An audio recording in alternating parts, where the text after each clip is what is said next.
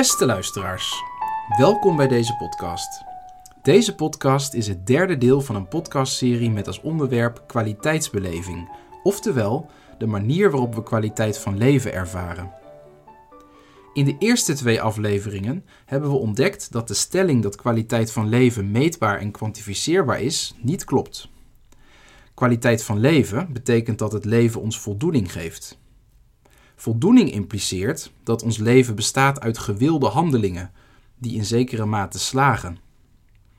De filosoof Ludwig Wittgenstein heeft aan de hand van een serie psychologische casussen aangetoond dat het gewilde aspect van een handeling niet voort kan komen uit de ketting van oorzaak en gevolg, zoals bij andere psychologische verschijnselen. Echt willen is geen stemming, geen emotie, geen beeld of verbeelding, geen reflex of gewoonte, geen bewustzijnstoestand en geen voornemen. Echt willen kan alleen een houding zijn. Niet ten opzichte van de bestaande wereld, maar een ethische houding ten opzichte van de toekomst. Hoe de wereld zal moeten zijn. Kwaliteitsbeleving wordt dus enerzijds gevormd door het verleden, de wereld van oorzaak en gevolg die ons leven voortstuwt, en anderzijds door het verlangen dat ons van buitenaf voorttrekt. Deze twee invloeden zijn op elk moment verweven, vaak met spanning daartussen. De spanning tussen hoe het leven is versus hoe het leven moet zijn. Deze onmeetbare, maar heel reële dynamiek komt echter nauwelijks aan de orde in onderzoeken. Hoe kan dat? Wittgenstein wijt dit aan het verwarren van concepten en symptomen. Een voorbeeld. Stel, er is een gemeenschap met heel andere gebruiken dan de onze. Zo heeft men de gewoonte om voorwerpen aan te duiden door met een vinger een cirkel in de lucht te trekken om dit voorwerp. En stel, er zijn filosofen die geworteld zijn in deze gemeenschap. Als ze beginnen te filosoferen, dan zijn ze geneigd om te zeggen: Alle voorwerpen zijn cirkels. Kijk maar, de bank is een cirkel, de eettafel is een cirkel, enzovoorts en ze zouden daarbij telkens een denkbeeldige cirkel in de lucht trekken. Met kwaliteit van leven is ook zoiets gebeurd. We hebben denkbeeldige cirkels getrokken. Er is objectieve kwaliteit van leven, inkomen, gezondheid, sociale contacten. En subjectieve kwaliteit van leven, het rapportcijfer dat we aan ons leven geven. Beide kunnen we meten. We werken het uit en voilà, we kunnen kwaliteit van leven meten en verklaren.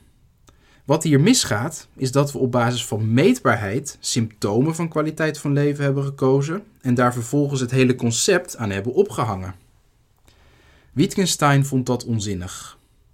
Hij zei: Er bestaat zeker een mate van voldoening, maar het is dom om te spreken van het meten van voldoening.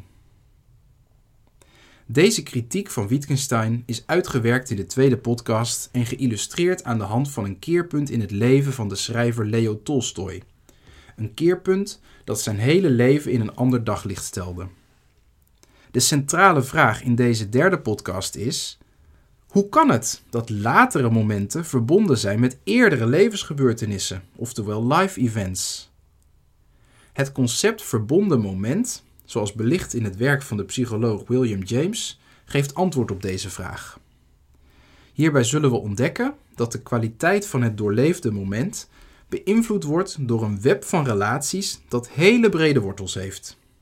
Maar we beginnen bij het begin. Het beginpunt, dat James sterk benadrukt heeft, is dat de psyche alleen als stroom te begrijpen is.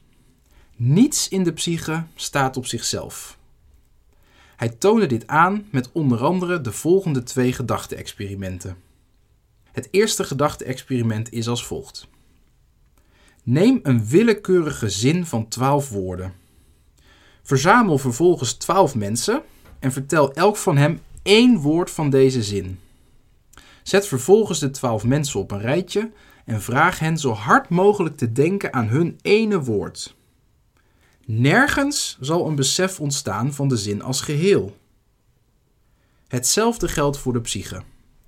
Als de psyche zou bestaan uit losse onderdelen, dan zou er nooit een besef kunnen ontstaan van een zin, een situatie, een context of welke samenstelling dan ook. Dan gaan we naar het tweede gedachte-experiment. Stel dat onze gedachten compleet afzonderlijk van elkaar op elkaar zouden volgen, als een mechanische ketting van gedachten.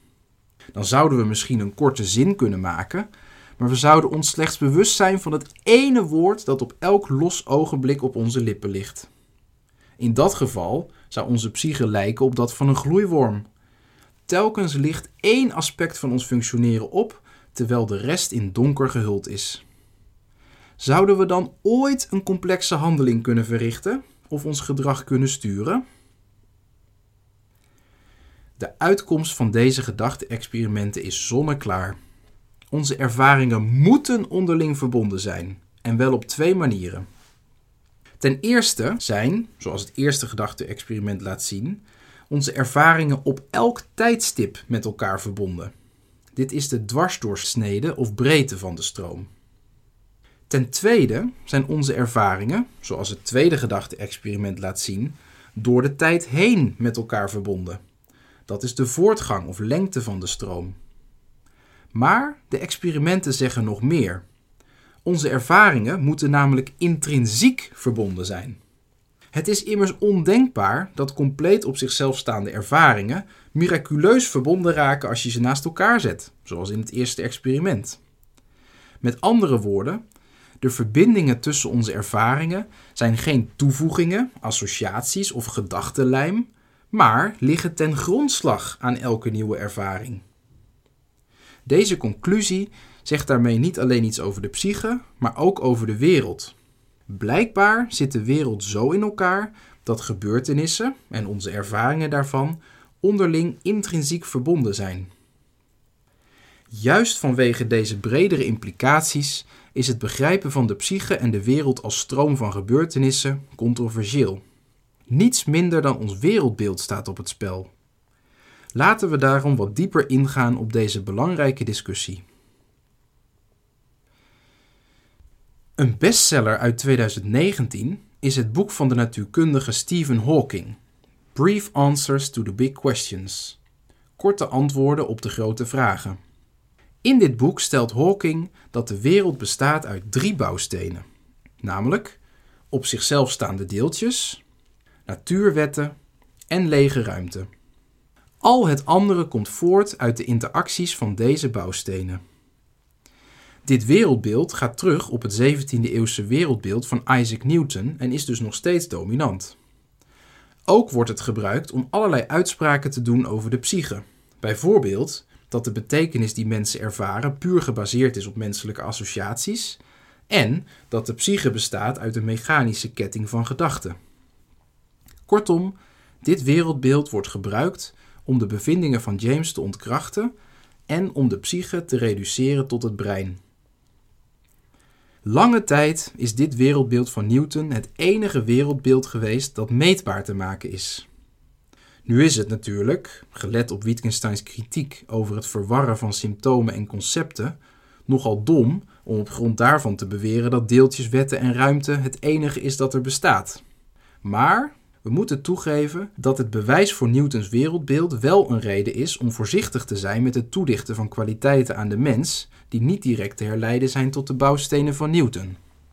Echter, twee grote natuurkundige ontdekkingen uit de 20e eeuw en hard bewijs daarvoor uit de 21e eeuw hebben de bewijslast volledig omgedraaid. Dit zijn de relativiteitstheorie van Einstein en de kwantumtheorie.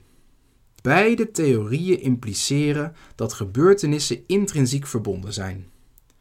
Een gevolg van relativiteit is bijvoorbeeld dat tijd en ruimte zich krommen bij zware objecten.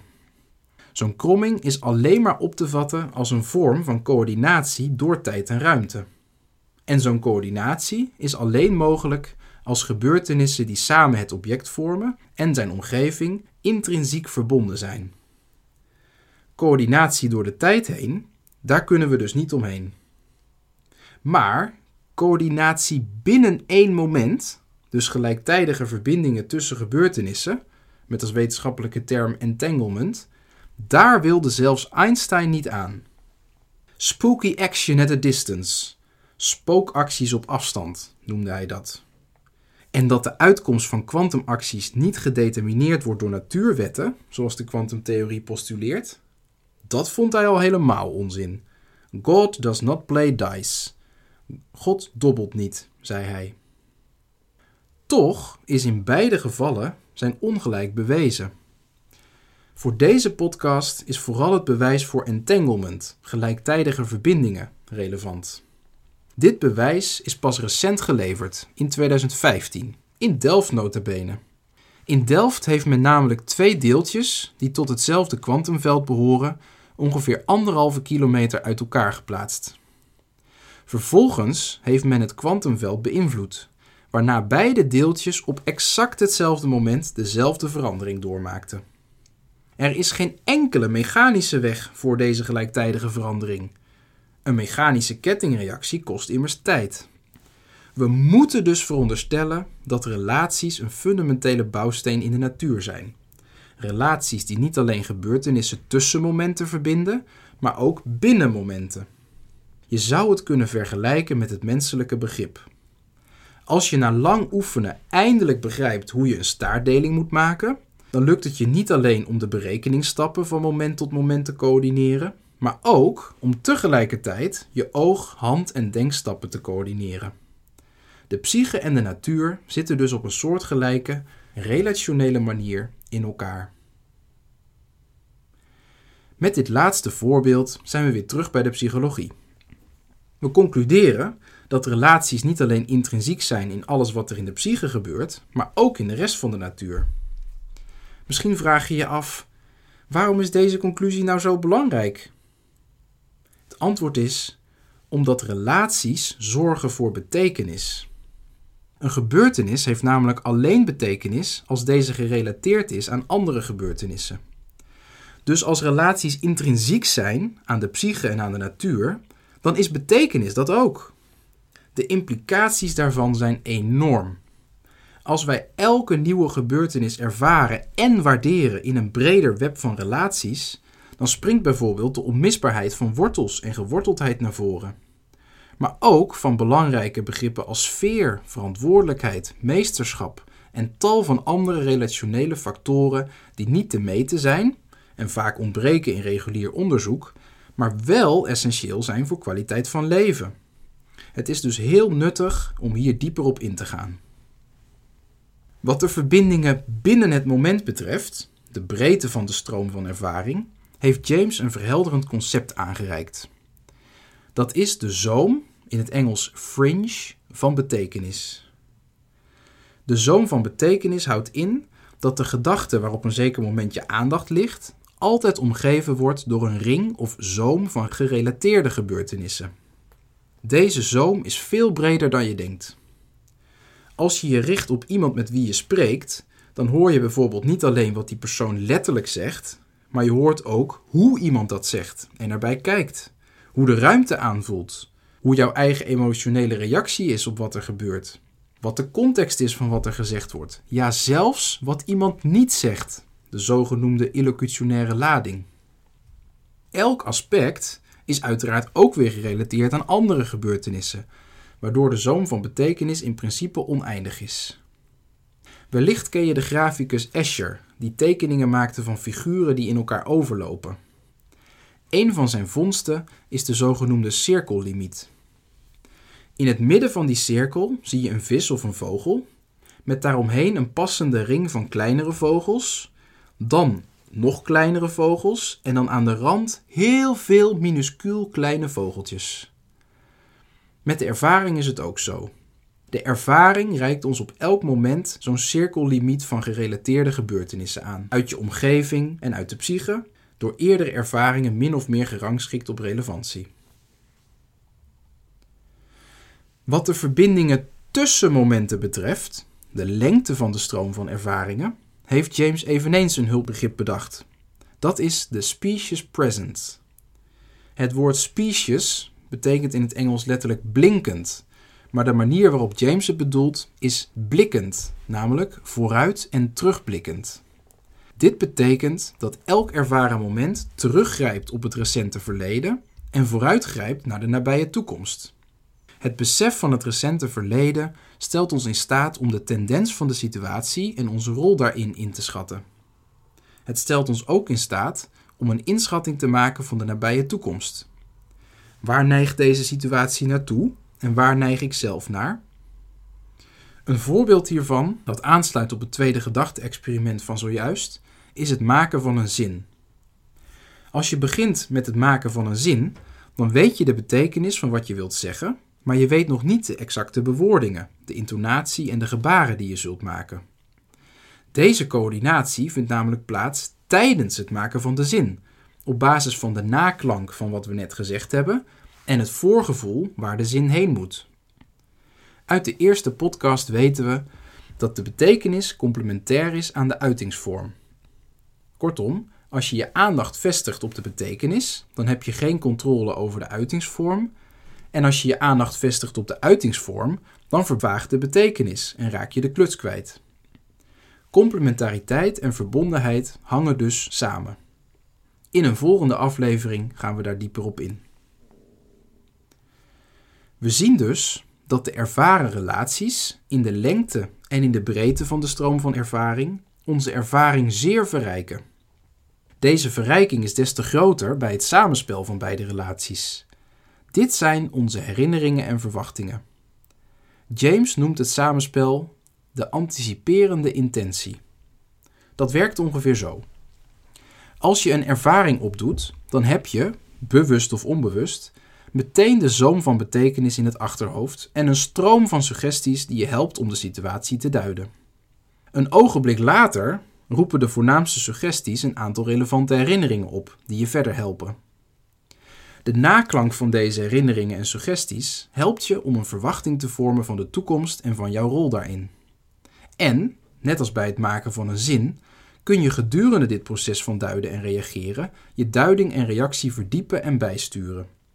Zodoende ben je in staat om in relatief heel korte tijd een duizelingwekkend betekenisvol beeld te vormen van de situatie en van jouw rol daarin.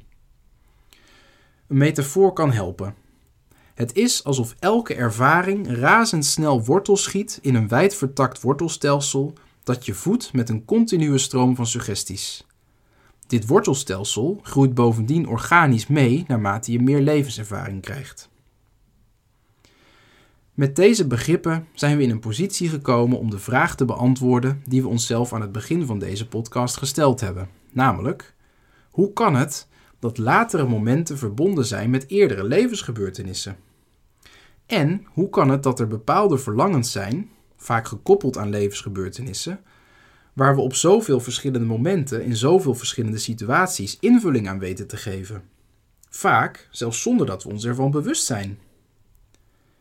Het antwoord op deze vraag is gelegen in het web van relaties dat elke situatie die je meemaakt voorziet van betekenis vanuit verschillende bronnen.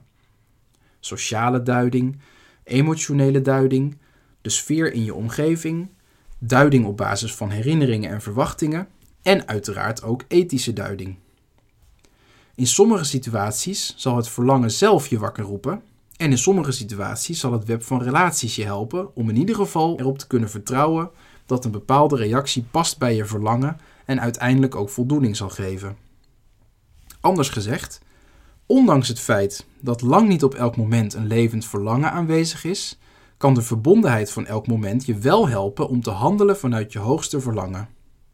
En zo kan een levensgebeurtenis uitgroeien tot een ethische horizon die je leven elk uur van de dag richting geeft en steeds meer handelingen tot gewilde handelingen maakt.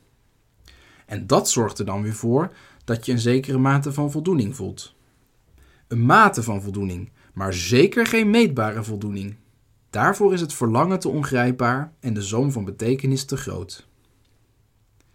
In de volgende aflevering van de podcastserie onderzoeken we een bijzondere mogelijkheid die het verbonden moment ons biedt en die in deze aflevering al kort is aangestipt, namelijk de mogelijkheid om onze duidingen en reacties bij te sturen. De mogelijkheid tot het nemen van wilsbesluiten geven de toch al rijke ervaringsstroom nog een extra dimensie, een dieptedimensie wel te verstaan. Wilsbesluiten en karaktervorming doen er namelijk toe. Hoe ze ertoe doen, hoe dit raakt aan kwaliteit van leven en welke praktische tips daarbij horen, dat hoor je in de volgende podcast. Wil je de volgende podcast niet missen? Abonneer je dan op de nieuwsbrief via www.kwaliteitsbeleving.nl/slash nieuwsbrief of volg de podcastserie op soundcloud.nl/slash kwaliteitsbeleving. Bedankt voor het luisteren.